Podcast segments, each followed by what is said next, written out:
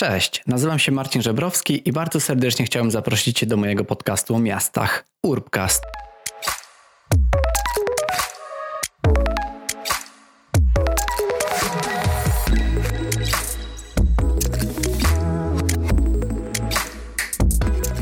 Cześć, witajcie w najnowszym odcinku Urbcastu. Do dzisiejszego odcinka zaprosiłem Igę Kalbarczyk, a więc socjolożkę, a prywatnie moją znajomą, którą poznałem w ramach projektu Żywa Ulica. Oprócz Żywej Ulicy, IGA współtworzy także Fundację Pracownia Urbanistyki Społecznej, a także pracuje obecnie w Biurze Konsultacji Społecznych i Rewitalizacji w Gorzowie Wielkopolskim. Staramy się połączyć te trzy wątki i porozmawiać o ogólnych doświadczeniach IGI z poszczególnych projektów. Jako, że IGA koordynowała część społeczną projektu Żywa Ulica, którą realizowaliśmy w Warszawie, i była jedną z pierwszych, która zaczęła pukać do drzwi mieszkańców, aby porozmawiać z nimi o tym, jakie są ich problemy, pomysły i wizje na ulicy, przy której mieszkają, to właśnie pytam ją, jak taki bezpośredni kontakt z mieszkańcami i ludźmi, którzy korzystają z danej przestrzeni, wpłynął na to, jakim jest socjologiem i jak projektuje miasta razem z architektami i urbanistami. Zapraszam Was więc na naszą rozmowę.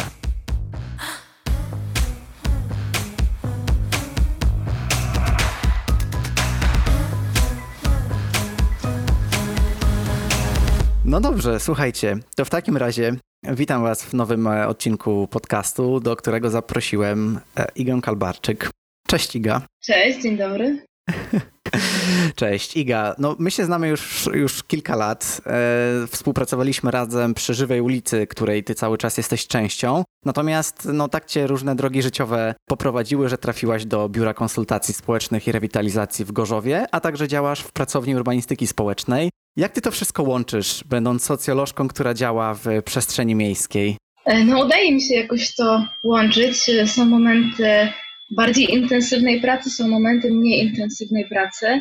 No ale jakoś się udaje. Udaje mi się też realizować różne y, swoje pomysły. Też działam samodzielnie i poza urzędem, poza żywą ulicą i poza pracownią, z czego się bardzo cieszę. No wiesz, jest to kwestia jakiegoś przyzwyczajenia, dobrego zorganizowania, ale też dogrania mm, i łaskawości, że tak powiem, osób, z którymi pracuję, które się po prostu na to godzą, że ja jestem w wielu miejscach równocześnie i to jest też fajne, bo one widzą w tym jakiś mój rozwój, więc i rozwój dla siebie. Więc myślę, że dzięki, dzięki temu udaje się to wszystko łączyć. Zanim porozmawiamy o czym, o tym, e, co dokładnie robisz w tych, w tych poszczególnych w poszczególnych instytucjach, czy, czy w poszczególnych po prostu projektach. Ja cię chciałem, i, i zanim też porozmawiamy w ogóle o roli jakby socjologa w, w, w, projektowaniu miasta, no bo to jest też myślę, że dość ważne, no to porozmawiajmy jeszcze trochę o tobie, bo chciałem słuchaczom przybliżyć jakby to, kim jesteś i, i co robisz i jak w ogóle się znalazłaś w miejscu, w którym się znalazłaś. Dlatego powiedz mi, jak to, jak to z tym było, bo my się poznaliśmy właśnie trzy lata temu, jeśli dobrze pamiętam. Trzy i pół. Trzy i pół. Tak podczas przygotowywania Żywej ulicy w Warszawie. No i powiedz może, jak to się stało, że no, ty socjolog nagle trafiłaś do takiego zespołu, który zajmował się tym działaniem w mieście. Mhm. E, to było dzieło przypadku, dlatego że kiedy studiowałam na socjologii, brakowało mi takich działań terenowych. I koleżanka poleciła mi wolontariat badawczy. E, zgłosiłam się, no zobaczyłam, że wolontariat jest na temat ławek miejskich, co nie za bardzo mnie grzało, no ale dobra, ławka, no nie znam się na ławkach, nie znam się na miastach, ale chciałam zdobyć jakieś doświadczenie i, no zgłosiłam się do tego wolontariatu. Zrobiliśmy fajny projekt i tam poznałam Agatę Poniechterę, która już była częścią zespołu Żywej Ulicy e, i w zasadzie to ona mnie wciągnęła, e, wciągnęła w, w dalsze działania, które do tej pory się toczą. Pamiętam, że to potoczyło się bardzo szybko. Ja nie byłam nigdy jakoś specjalnie miastem zainteresowana, po prostu e, brałam tematy, które się nasuwały i, i chciałam z nich czerpać jak najwięcej. Okay. Toczyło się bardzo szybko. Jak pamiętasz, e, my spotkaliśmy się e, w naszym zespole warszawskim, poznaliśmy się u Dominiki e, Misterki w mieszkaniu i dzień później już było tak. spotkanie, tak. jedno z tych spotkań takich trójmiejskich, trzymiastowych, gdzie spotkaliśmy się w składzie Kraków, Gliwice, Katowice i Warszawa. I ja wtedy miałam pierwszy kryzys. Już myślałam, że, że to będzie źle, że się nie odnajdę w tym zespole. Pamiętam, że siedzieliśmy w takim kółku. Co ty się pakujesz w ogóle? Tak, co ja się pakuję, bo wy już zaczęliście rozmawiać o takich, um, takich stricte projektowych rzeczach i pamiętam, że ja tam byłam totalnie zielona, nie rozumiałam prawie nic I pamiętam, że największy kryzys dopadł mnie, jak ktoś powiedział, esowanie jest. I ja wtedy, wiesz, czułam jak mi krew odpływa z twarzy i zaczęłam wtedy kombinować, jak się wymiksować z tego spotkania. I kiedy opracowywałam plan ucieczki, to Dominika zadała pytanie, mm, podzieliła się taką obawą e, z, z resztą osób, e, jak zaangażujemy ludzi w to. I wtedy pamiętam, że Paweł Jaworski się wychylił z tego wianuszka, wbił we mnie wzrok i powiedział, że ma się tym Dominika nie martwić, bo ma w zespole osobę o kompetencjach społecznych. I to już spowodowało, że ja nie mogłam uciec z tego spotkania. I tak siedzę w tej żywej ulicy do tej pory. I reszta jest już mhm. historią. I reszta jest już, mówi. tak, tak. Więc w zasadzie e, te kilka minut, myślę, e, zdecydowało o tym, że ja dalej tkwię w tematach miejskich i no dowiedziałam się, co to jest esowanie jezdni i już nie wywołuje to u mnie takiej paniki. Dowiedziałaś się między innymi, kim jest na przykład Le Corbusier. Tak, tak, już wiem, kto to jest. I że to, że tak, że to nie jest e, to, co myślałam na początku, więc nie wytniemy to. To pro, pro, prośba Dominiki, ale właśnie tak, no mi się mm, nasuwa to, jak, jak o tym rozmawiamy, że też dla nas, e, dla urbanistów e, czy, czy architektów to było ciekawe spotkać nagle socjologa, który tak na ten projekt patrzy zupełnie inaczej. I, I może tylko krótko wspomnijmy, bo w ramach tego projektu Żywa Ulica my na bardzo szeroką skalę w ogóle rozpoczęliśmy tak zwane kolędowanie. Jakbyś mogła też powiedzieć, no jak, na czym polegała ta rzecz, którą, za którą byłaś odpowiedzialna w tym projekcie? Tak, to na początku e, i odbieram jako szaleństwo, dlatego że pracowaliśmy w taki sposób, że pukaliśmy od drzwi do drzwi do mieszkańców obu, e, dwóch ulic na Pradze, na ulicy Ząbkowskiej i Wileńskiej. I faktycznie no to było duże przedsięwzięcie. Myślę, że e, porównaniu do projektów, które teraz robimy, to było największe kolędowanie na największą skalę i prowadzone przez największą liczbę osób. I trzeba było skoordynować i e, e, panować nad tym, gdzie już byliśmy. E, pamiętam, że się staraliśmy równo podzielić i chodziliśmy po dwie osoby, tak jak zwykle zresztą, więc to trzeba było i tak dobrze logistycznie opracować. No i też namówić Was, architektów, urbanistów, do tego, żeby, że ludzie nie gryzą i że że pukanie do obcych drzwi no może brzmi troszkę dziwnie, ale jest skuteczne, jak się okazało, po żywej ulicy. No ja sama na początku bardzo w to wątpiłam. E, nie sądziłam, że, mm, że ktokolwiek tam otworzy. Myślałam, że porywamy się z motyką na słońce, no ale okazało się, że myśmy przeprowadzili wtedy ponad, jeżeli dobrze pamiętam, ponad 200 rozmów. Ludzie chętnie otwierali. Wypiliśmy litry herbat i przytliśmy wiele kilogramów, bo również byliśmy częstowani słodyczami. I to okazało się, że to jest metoda taka, którą stosujemy teraz w każdym projekcie i jest bardzo ważnym e, elementem tych projektów, dlatego że mm, no i informujemy ludzi o tym, co się będzie działo i robimy jakieś wstępne, takie diagnostyczne badania tego, jak oni korzystają e, z, z tych miejsc, gdzie my będziemy test prowadzić. I też integrujemy się z nimi, poznajemy się, co później pozwala w niektórych przypadkach te projekty realizować wspólnymi siłami. I tak było właśnie w trakcie tej pierwszej żywej ulicy naszej warszawskiej. No, pamiętam, że to było coś naprawdę wyjątkowego i ciekawego, bo e, ja co prawda w większości chodziłem po e, różnych przedsiębiorcach na tej ulicy, po różnych punktach usługowych, więc dużo łatwiej jest wejść do jakiegoś sklepu i zapytać się właśnie, czy sprzedawczyni, czy właściciela, czy ogólnie porozmawiać właśnie o tych zmianach. Natomiast no co innego wchodzić komuś prywatnie do domu jeszcze kiedyś tam nierzadko będąc zaproszonym do środka na tą herbatę, prawda? To tak tak, zazwyczaj będą pozwala zaproszone. poznać tych ludzi. Mhm. Zazwyczaj. Tak, i wiesz, no fajne jest to, że mm, mm, ja mam z tymi ludźmi kontakt do dzisiaj. Myśmy kolędowali w 2017 roku, a my się nadal wymieniamy jakimiś wiadomościami, e, lajkami, życzeniami świąteczno-urodzinowymi, więc e, no kurczę, chyba warto, warto pukać do cudzych drzwi, nie? To, to bardzo otwiera horyzonty i e, też można po prostu poznać, jak inni ludzie żyją, w jaki sposób patrzą na miasto, I też to jest taka metoda, myślę, że fajna, dlatego że mm, zazwyczaj jest tak, że jak się prowadzi jakieś badania czy konsultacje, no to jednak my czekamy, aż e, ktoś do nas e, padnie, a tutaj to ten cały wysiłek jest jednak po stronie badaczy, no bo to my zasuwamy po tych klatkach i wystarczy, że ktoś nam otworzy drzwi i zamieni parę słów, i to jest cały wysiłek. Aż, aż e, tak pomyślałem, że to, co powiedziałaś, to w ogóle może moglibyśmy użyć na tytuł tego odcinka, bo powiedziałaś, czy warto pukać do cudzych drzwi? I, I myślę, że. Proszę bardzo. I myślę, że to jest takie bardzo znamienne, tak? Że, że jakby no ty jako, jako socjolożka w tych projektach właśnie przełamujesz tą taką barierę kontaktu. Mhm. I że to tak naprawdę jest bardzo, bardzo cenne e, w tym, co robisz. I do Żywej Ulicy też pewnie jeszcze wrócimy, no bo ta warszawska Żywa Ulica to nie był jedyny projekt spod szyldu Żywej Ulicy, ale chciałem cię zapytać jeszcze o, o jakby już twoją pracownię, której jesteś częścią, bo po Żywej Ulicy działałaś też, no i wciąż działasz e, jako pracownia urbanistyki społecznej razem z Dominiką Misterką i Olgą Sikorską. I jakbyś mogła powiedzieć właśnie troszeczkę skąd wziął się pomysł na to, zanim przejdziemy do, do tego, co robisz obecnie w Gorzowie. Mhm. Wiesz co, no pomysł e, wziął się stąd, że nam się po prostu bardzo dobrze z dziewczynami pracowało i postanowiłyśmy e, założyć coś swojego, spróbować czegoś nowego.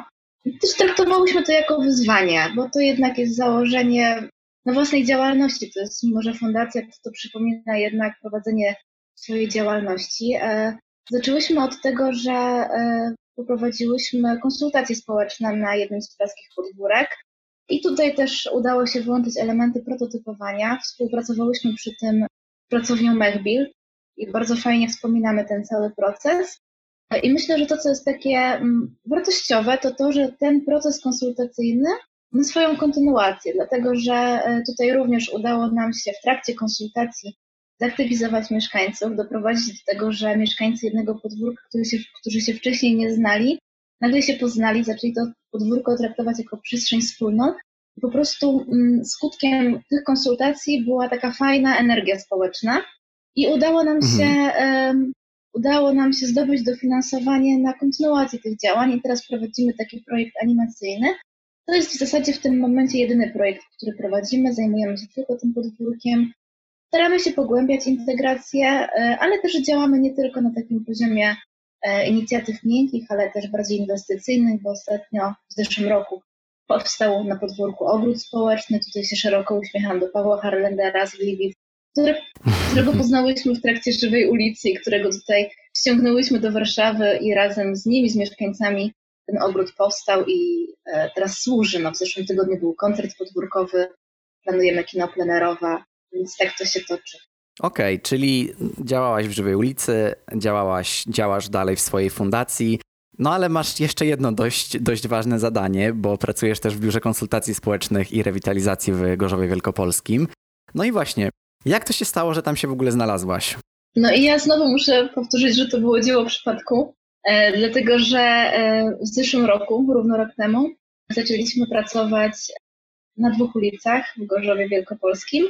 W Gorzowie teraz jest tak, że jedna z głównych ulic, ulica Sikorskiego, została przekształcona w deptak, co, e, no, to spotkało się z takimi różnymi opiniami, było dosyć kontrowersyjną decyzją.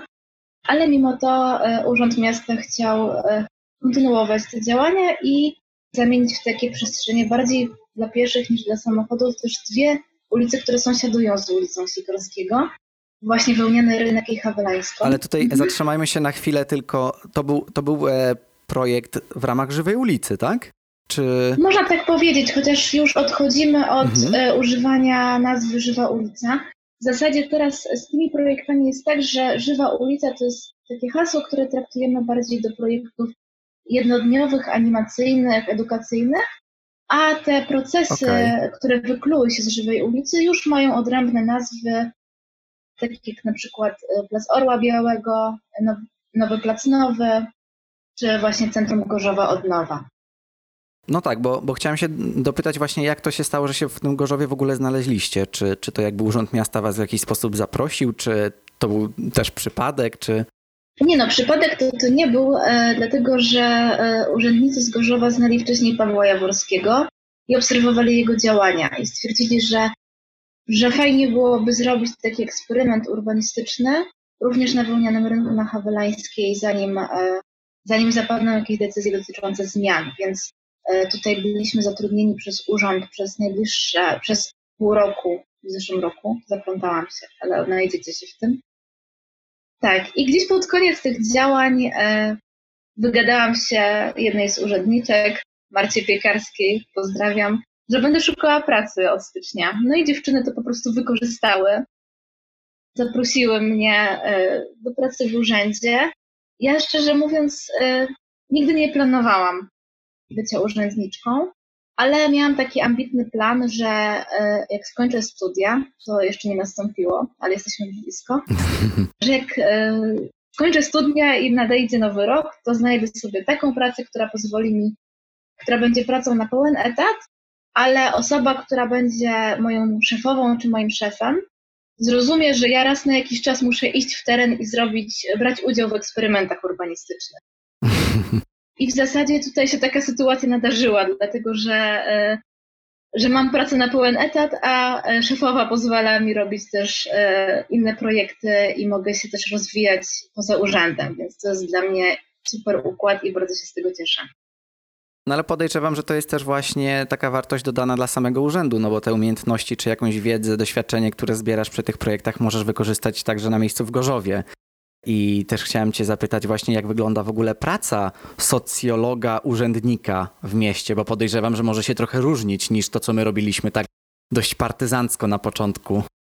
Jasne. E, wiesz, no ja mam to szczęście, że trafiłam do e, biura, które pracuje, które jest biurem konsultacji społecznych i rewitalizacji, więc e, w zasadzie te moje działania wyglądają dosyć podobnie, dlatego że koleżanki z biura nie uciekają od bezpośrednio kontaktu, bezpośredniego kontaktu z ludźmi. Dużo pracują terenowo, więc dla mnie to jest super, super sytuacja. No ale wiadomo, że e, jednak urząd, a fundacja czy grupa młodych ludzi, którzy partyzancko działają, no to jest zupełnie inna bajka i wiesz, dla mnie to jest też duży szok, że kiedy wpadam na jakiś pomysł, to od pomysłu do realizacji mija o wiele więcej czasu niż w fundacji czy, czy w żywej ulicy. No I tak. tutaj wiesz, e, no muszą być podjęte decyzje, czy to robimy, czy nie, e, środki muszą być znalezione, no to po prostu trwa dużo więcej, więc to jest dla mnie taka największa różnica między pracą żywej czy, czy w fundacji, a pracą w urzędzie. To jest coś zupełnie nowego. Podoba mi się to, że jakby ta komórka, w której pracujesz, to jest biuro konsultacji społecznych i rewitalizacji. I mam wrażenie, że to dlatego, że jedno z drugim jest połączone. Mhm że po prostu rozmawiając z tymi ludźmi dowiadujemy się o jakichś konkretnych problemach, które mają, czy w przestrzeni, czy w swoim sąsiedztwie. No i jesteśmy w, w stanie wprowadzać jakieś projekty właśnie takiej miejskiej odnowy. I pytanie właśnie, czy tak to wygląda w Gorzowie? Jakbyś mogła, na, jakbyś mogła powiedzieć w kilku słowach o takim, może o, o sp właśnie sposobie pracy z ludźmi, mm jak, to, jak to w ogóle łączycie, te konsultacje i samą rewitalizację? Wiesz co, no tutaj e, to będę musiała sięgnąć w przeszłość i w czasy, kiedy ja jeszcze nie pracowałam w biurze, ale z tego co wiem, to e, no, dziewczyny bardzo mocno stawiają na takie projektowanie w sposób partycypacyjny. I tak na przykład był projektowany kwadrat, czyli jeden e, z takich placów fajnie teraz działających w centrum miasta. I tak była projektowana kłodawka, szlak pieszo-rowerowy wzdłuż kłodawki. Kłodawka to jest rzeka, która płynie przez Korzów, przez większość e, miasta w zasadzie, przecina większość miasta. I wzdłuż niej powstała infrastruktura pieszo-rowerowa, e, place zabaw i to jest teraz takie miejsce, które tętni życiem. I myślę, że no dzięki temu, że też była projektowana w taki sposób partycypacyjny na spotkaniach, na pewno to było dosyć trudne, ale wydaje mi się, że skuteczne, dlatego że teraz to jest często odwiedzane miejsce i też udało się wydobyć walor rzeki płynącej przez miasto. Myślę, że niewiele miast ma taki E, taki walor, że po prostu przycina je jakaś rzeka wzdłuż niej, jakoś właśnie tę mhm. wartość tej rzeki można wydobyć. Tutaj się to udało. Ale czy to było tak, że ludzie jakby byli świadomi sami z siebie, że taki walor istnieje, czy właśnie trzeba było z nich to poniekąd wydobyć w jakichś takich różnych, przy, przy różnych spotkaniach czy rozmowach z nimi?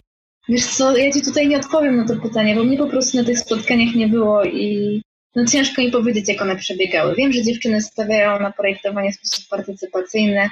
To są projekty sprzed kilku lat, więc ja po prostu znam je z opracowań z opowieści. Okej. Okay. A jakbyś mogła podzielić się w takim razie jakimś projektem, nad którym pracujesz w obecnej chwili, mhm. który, który, którym po prostu jesteś, którego jesteś częścią i no, z którego być może Gorzów powinien być dumny? No tutaj to y, odeszłabym na chwilę od rewitalizacji, a powiedziałabym o budżecie obywatelskim. E, dlatego że mhm. to jest działka, którą ja się zajmuję. To jest też dla mnie nowość, e, bo wcześniej nie miałam e, do czynienia z budżetami obywatelskimi czy partycypacyjnymi. E, I w Gorzowie e, budżet obywatelski ma taką wyjątkową formułę, ponieważ bardziej niż inne miasta idzie w stronę deliberacji, czyli urządzone są spotkania z mieszkańcami. To przebiega tak, że na początku całego procesu zbierane są oczywiście pomysły, one są weryfikowane przez urzędników, a zanim następuje głosowanie, czyli wybór tych projektów, które będą zrealizowane, mieszkańcy i wnioskodawcy mają szansę się spotkać i pogadać o tym, w jakiej formie chcą, e, chcą swoje pomysły poddać pod głosowanie. I tutaj mamy taką możliwość, że e, mogą łączyć swoje, swoje zadania w pakiety, mogą łączyć w pakiety, a pozostali na przykład mogą się wycofać. I ta grupa, która rozmawia, umawia się, że w przyszłych latach ci, którzy wycofali się w tym roku, będą spakietowani i będą mhm. mieli danych w kolejnych latach. My te pakiety też e, poddajemy pod głosowanie, bo to jest taki no, obowiązek ustawowy, ale wydaje mi się, że to jest taka fajna wartość tych procesów, dlatego że ludzie w rozmowie też no, mają szansę skonfrontować swoje potrzeby, przekonać siebie, mhm. E, poznać e, spojrzenie innych na rejon, w którym mieszkają. Myślę, że to jest i takie fajne, że współdecydują, ale też mogą się czegoś dowiedzieć na tych No i my też oczywiście czerpiemy wiedzę. Czy, czy chodzi jakby o to, żeby pokazać, że nawet taki budżet, budżet obywatelski to nie jest jakby jeden punkt na jakiejś osi czasu, że to nie jest tak, że po prostu zgłasza się ten projekt, no i albo on zostanie e, w jakiś tam sposób przegłosowany, albo nie, tylko jeśli dobrze rozumiem, chodzi o to, żeby bardziej pokazać, że to jest pewien proces i żeby, że ten projekt, który dana osoba ma, ten pomysł, może zostać jakby wsparty przez inne osoby, przez co, on, przez co stworzy się jakaś społeczność dookoła tego pomysłu, tak? Myślę, że tak, że tak to może działać. I tak to w zasadzie działa. Jak powiedziałeś, że budżet obywatelski to nie jest punkt, tak, to ja to rozumiem tak, że mm, w innych miastach może to działać w taki sposób, że jedyne zaangażowanie ludzi w budżet obywatelski polega na tym, że składają projekt, czekają i mhm, ewentualnie mhm, no mogą, e, mogą zrobić jakąś promocję podczas głosowania i nic więcej. A tutaj mają szansę usiąść razem, zastanowić się nad hierarchią potrzeb. Często, często robimy na spotkaniach tak, że, że zapisujemy, że wspólnie ustalamy, na co w tym roku głosujemy, co jest dla nas najważniejsze, jakieś kryteria ustalamy.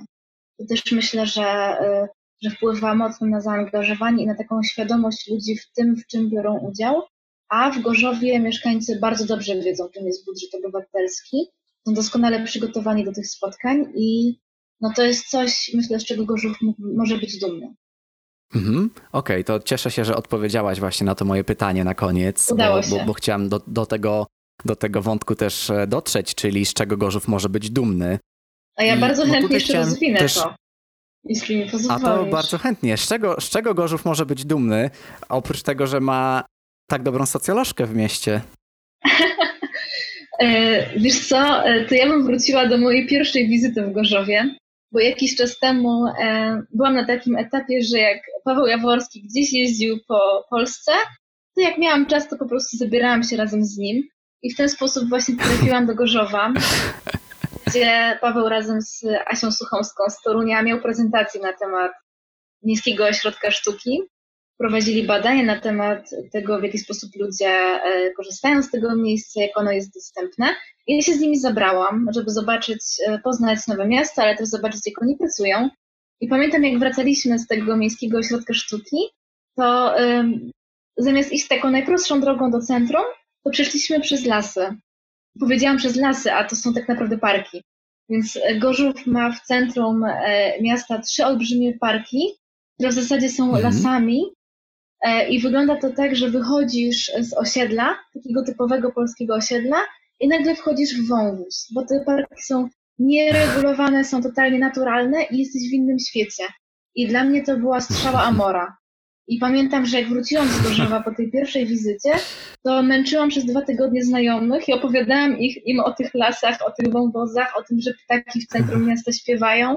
I myślę, że to jest coś właśnie, z czego Gorzów może być dumny no to jest ta zieleń. I myślę, że mieszkańcy Gorzowa też wiedzą i doceniają, dlatego że bardzo jej bronią przed różnymi inwestycjami i te inwestycje zawsze są takim powodem do strachu, czy aby nie za dużo drzew poleci, czy w ogóle drzewa będą ścinane, więc to jest absolutnie wyjątkowe. Czyli gorzowianie mogą być, gorzowianie, tak się to mówi, odmienia, gorzowianie? Myślę, że tak. Sprawdzimy. Więc miesz mieszkańcy Gorzowa mogą być e, dumni w takim razie z tego. Ja chciałbym jeszcze wrócić do samego jakby tematu pracy socjologa w mieście. Mhm. Tak biorąc pod uwagę te właśnie wszystkie projekty, w których brałaś udział i to, co rob robisz teraz. Jak mogłabyś odpowiedzieć na takie pytanie, jak wygląda w ogóle praca socjologa w mieście i, i jak ona się zmieniała właśnie na przestrzeni w tych ostatnich lat? W twoim, w twoim przypadku stricte. Mhm. W moim przypadku to było tak, że w jakim projekcie bym nie brała udział, to zawsze dużą jego częścią były bezpośrednie spotkania z ludźmi. I to jest to, w czym ja się czuję e, mocna i cieszę się, że mogę to robić. Więc tutaj na pewno to pukanie od drzwi do drzwi, zaczepianie ludzi na punktach konsultacyjnych, spotkania warsztatowe, często też SMS-owanie czy pisanie na Facebooku. Tak wygląda moja praca. Dlatego, że e, bardzo zależy mi na tym, żeby poza uzyskaniem konkretnych informacji mniej lub bardziej przydatnych projektantom, by wejść z ludźmi w relacje i wywołać też w nich jakąś zmianę. No to brzmi super takie, tak ambitnie i mam nadzieję, że nie brzmi jak but, który ma przekonanie, że tutaj będzie zmieniał świat, ale widzę po prostu, co się dzieje, kiedy wchodzi się z ludźmi w bezpośredni kontakt, nawiązuje się jakąś relację, że po prostu to ma jakieś skutki społeczno-przestrzenne. Ludzie zaczynają mm, patrzeć na miejsce, o którym rozmawiamy, jak na swoje miejsce, zaczynają o nie dbać. Często się angażują w różne spory na temat tego miejsca, co też jest jakimś e, rodzajem aktywizacji osób, które być może wcześniej zupełnie nie brały udziału ani w budżecie obywatelskim, ani w konsultacjach społecznych. Więc staram się, żeby mm, poza takim walorem informacyjnym, takim projekt, poza pozyskiwaniem wiedzy projektowej, zawsze wygenerować coś jeszcze. Czy to będzie tworzenie relacji sąsiadów, którzy się wcześniej nie znali, czy właśnie e, na przykład pozyskanie jakiegoś grantu, tak jak było w przypadku naszych e, pań seniorek w Pradze, którym się udało pozyskać dofinansowanie i po żywej ulicy zajęły się podwórkiem. Więc no to, to jest wspaniały efekt. Więc staram się zawsze, żeby, żeby coś takiego udało się uzyskać. Pytałeś o zmianę. No to myślę, że na przestrzeni lat mojej pracy w temacie miejskim, że się trochę zradykalizowałam. W takim sensie, mm, że o ile na początku, e, podczas tych pierwszych żywych ulic, wiesz, miałam takie podejście entuzjastyczne, że tutaj będziemy z ludźmi współdecydować, wszystko razem, że wszystkie głosy da się połączyć i że wyjdzie z tego coś super. Tak z biegiem czasu i z doświadczeń wynikających z tych procesów prototypowych widzę, że to wcale tak nie wygląda i że jednak konsultacje społeczne i praca z ludźmi to jest narzędzie doradcze, które nie służy podejmowaniu przez ludzi decyzji. Tylko decyzję jednak podejmuje osoba, która musi pochylić się i nad głosem ludzi, i nad projektem, i nad y, planami, strategiami miasta, i nad możliwościami budżetowymi. I niestety y, tego wszystkiego się nie da ze sobą tak połączyć, tak jak ja sądziłam, że się da jeszcze te parę lat temu. Czyli takie podejmowanie decyzji w mieście jest dużo bardziej złożone. W sensie to nie jest tak, że robimy punkt konsultacyjny, na którym mieszkańcy mówią, że najchętniej mielibyśmy tutaj park, prawda? No ale okazuje się, że e, oprócz tego parku, to tutaj ten teren może mieć przeznaczenie zupełnie inne, no i trzeba to gdzieś jakoś wypośrodkować. Dlatego wydaje mi się, że. No, I komunikować. I, I komunikować również, że, że to jest bardzo trudne, żeby pokazać ludziom, że to, że ich pomysł nie zostanie zrealizowany w danym miejscu, to nie oznacza jakby, że ich głos nie jest zupełnie brany pod uwagę, tylko że jakby są zupełnie też inne czynniki, które mogą decydować o wykorzystaniu danego terenu. Także ja z tego rozumiem, że na przestrzeni lat też się tego dowie, jakby zorientowałaś się, że to jest dużo bardziej złożony proces, tak? Tak, na pewno, że to jest dużo bardziej złożony proces i że też ja mam na sobie ogromną odpowiedzialność, dlatego że y, że ludzie, którzy przychodzą na spotkania konsultacyjne, mam wrażenie, że e, sądzą, że ich głosy będą miały bezpośrednie przełożenie na, e, na decyzje polityczne. Albo że kiedy stoję na punkcie konsultacyjnym, to hasła na moich kolorowych karteczkach, które zapisuję, będą spełnione. A no tak nie mhm. jest i ludzi trzeba po prostu o tym informować, żeby być fair wobec nich. Więc wiesz, z jednej strony to jest takie balansowanie pomiędzy marzeniami a realizmem. Dlatego, że z jednej strony, kiedy z ludźmi rozmawiasz, to chcesz pobudzić ich wyobraźnię i e, skłonić ich do marzeń, a z drugiej strony jednak cały czas to kontrolować, żeby nie dać im nadziei na coś, co być może nie może być zrealizowane. Więc to jest szalenie trudne. Czyli to jest taka sztuka jakby rozmawiania z tymi osobami i przekazania im właśnie tego, o czym mówisz, tak? Czyli, że nie wszystko być może uda się zrealizować, ale że wciąż warto mieć jakąś wizję na, na jakby tą swoją okolicę czy miasto. I to jakby to, co teraz powiedziałem, to było takie bardziej stwierdzenie, a też chciałem zakończyć takim pytaniem. Mam wrażenie, że często właśnie mówi się, że projektujemy dla ludzi, dla ludzi, dla mieszkańców, no ale często to jest właśnie dla, a nie z. Mhm. Pytanie, czy, czy jakby myślisz, że powinniśmy troszeczkę bardziej na to spojrzeć od tej strony, żeby projektować z ludźmi, a nie dla ludzi? I czy, no ja mam wrażenie, że to jest to, co ty właśnie robisz. Hmm.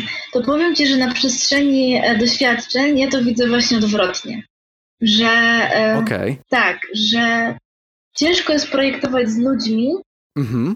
w takim do, dosadnym sensie tego, co teraz, o czym teraz mówimy, bo ludzie nie mają kompetencji projektowych. Okay nie są projektantami i mhm. no, trudno sobie mydlić oczy, że, że w rozmowie nad mapą czy nad jakimś projektem ludzie i projektant e, czy architekt no, są na równi, no bo nie są. Trzeba powiedzieć, że po prostu e, nie wszyscy się muszą znać na projektowaniu, a rolą projektanta jest wykorzystywać wiedzę, którą ma.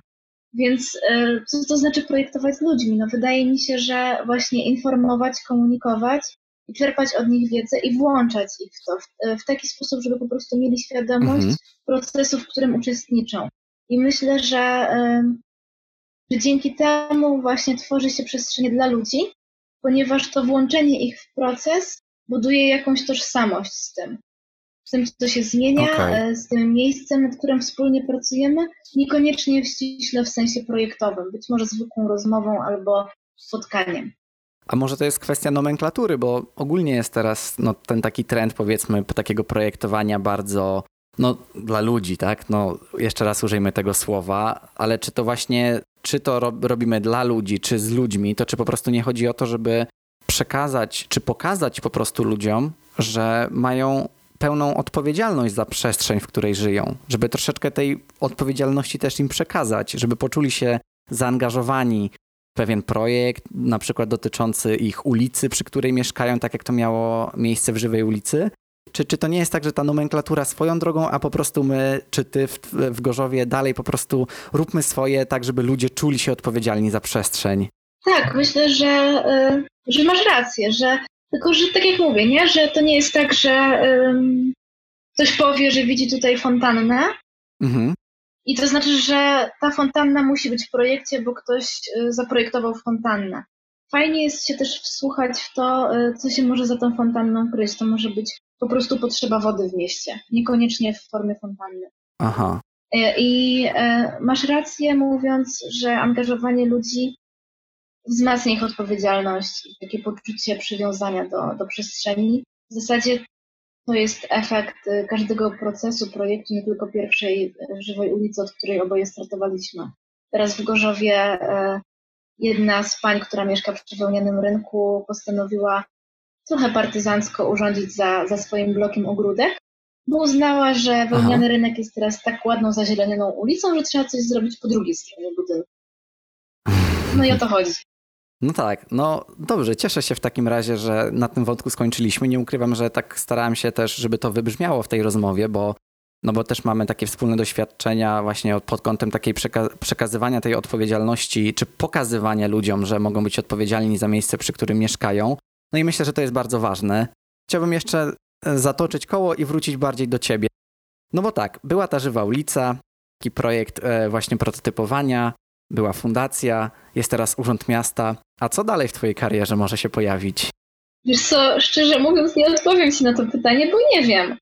Bo e, ja mam takie podejście e, do tego, co się dzieje w moim życiu zawodowym, że w, m, podejmuję decyzje na bieżąco, staram się nie planować. Okay. Gdybyś w zeszłym roku, mhm. we wrześniu, zapytał mnie, czy planuję pracować w urzędzie miasta, to na pewno bym powiedziała ci, że nie. A kiedy dostałam w listopadzie taką propozycję, to już w styczniu siedziałam w swoim mieszkaniu w Gorzowie. Więc e, no niestety nie podzielę się swoimi planami, dlatego że ich nie ma. Staram się robić e, jak najlepiej to, co robię w danej chwili i myślę, że to prowadzi mnie do kolejnych fajnych doświadczeń. No tym bardziej, że bardzo wiele fajnych rzeczy, w tym zawodowych, zależy właśnie od przypadku, tak jak to miało miejsce z tą żywą ulicą, o której rozmawialiśmy. Tak, no kto by pomyślał, że to tyle będzie trwało, kurczę. Super. To tylko dodam, że, że to był przypadek dla każdego z nas, kto się w ten projekt zaangażował. Gdzieś tam, gdzie poznaliśmy właśnie Pawła Jaworskiego i, i stwierdziliśmy, że będziemy robić ten projekt w, w Gliwicach, w Krakowie i, i w Warszawie. To myślę, że też było dziełem wielkiego przypadku, e, tak jak wiele rzeczy w naszym życiu. No dobrze, a powiedz mi jeszcze, czy mogłabyś podzielić się jakąś książką, która, która cię zainteresowała, którą mogłabyś polecić słuchaczom? E, tak, i polecam e, Kaprysik Mariusza Szczygła. Myślę, że on się, ta książka się fajnie wpisze w naszą rozmowę, dlatego że mm, jest o relacjach między ludźmi. Aha. Jest, y, te relacje są opisane przez Mariusza Szczygła z taką wielką czułością. I więcej nie powiem. Ach, powiem.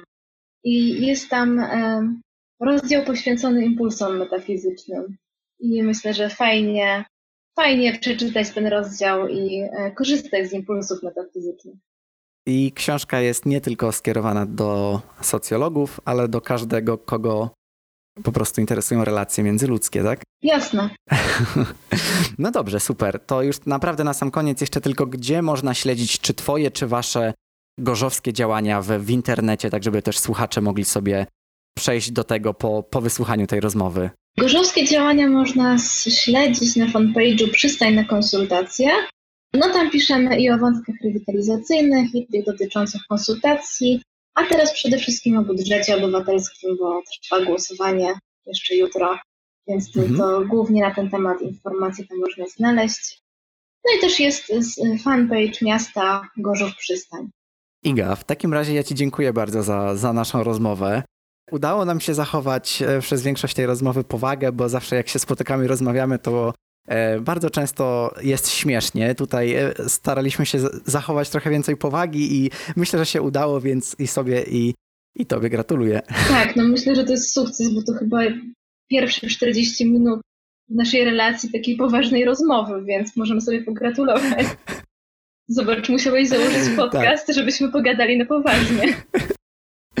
tak, zdecydowanie, ale no tak, taki jest, jest też tego cel. Cieszę się, że, że, że mogłem Ciebie tutaj zaprosić i też e, na samym początku wspierałaś pomysł założenia tego podcastu. Być może właśnie do niego się też przyczyniłaś w taki sposób, więc mogę się odwdzięczyć i, i z Tobą troszeczkę porozmawiać, też przekazać właśnie słuchaczom to, czym się zajmujesz. Także dziękuję Ci bardzo. Bardzo mi miło i trzymam kciuki za, no, za rozwój tego podcastu.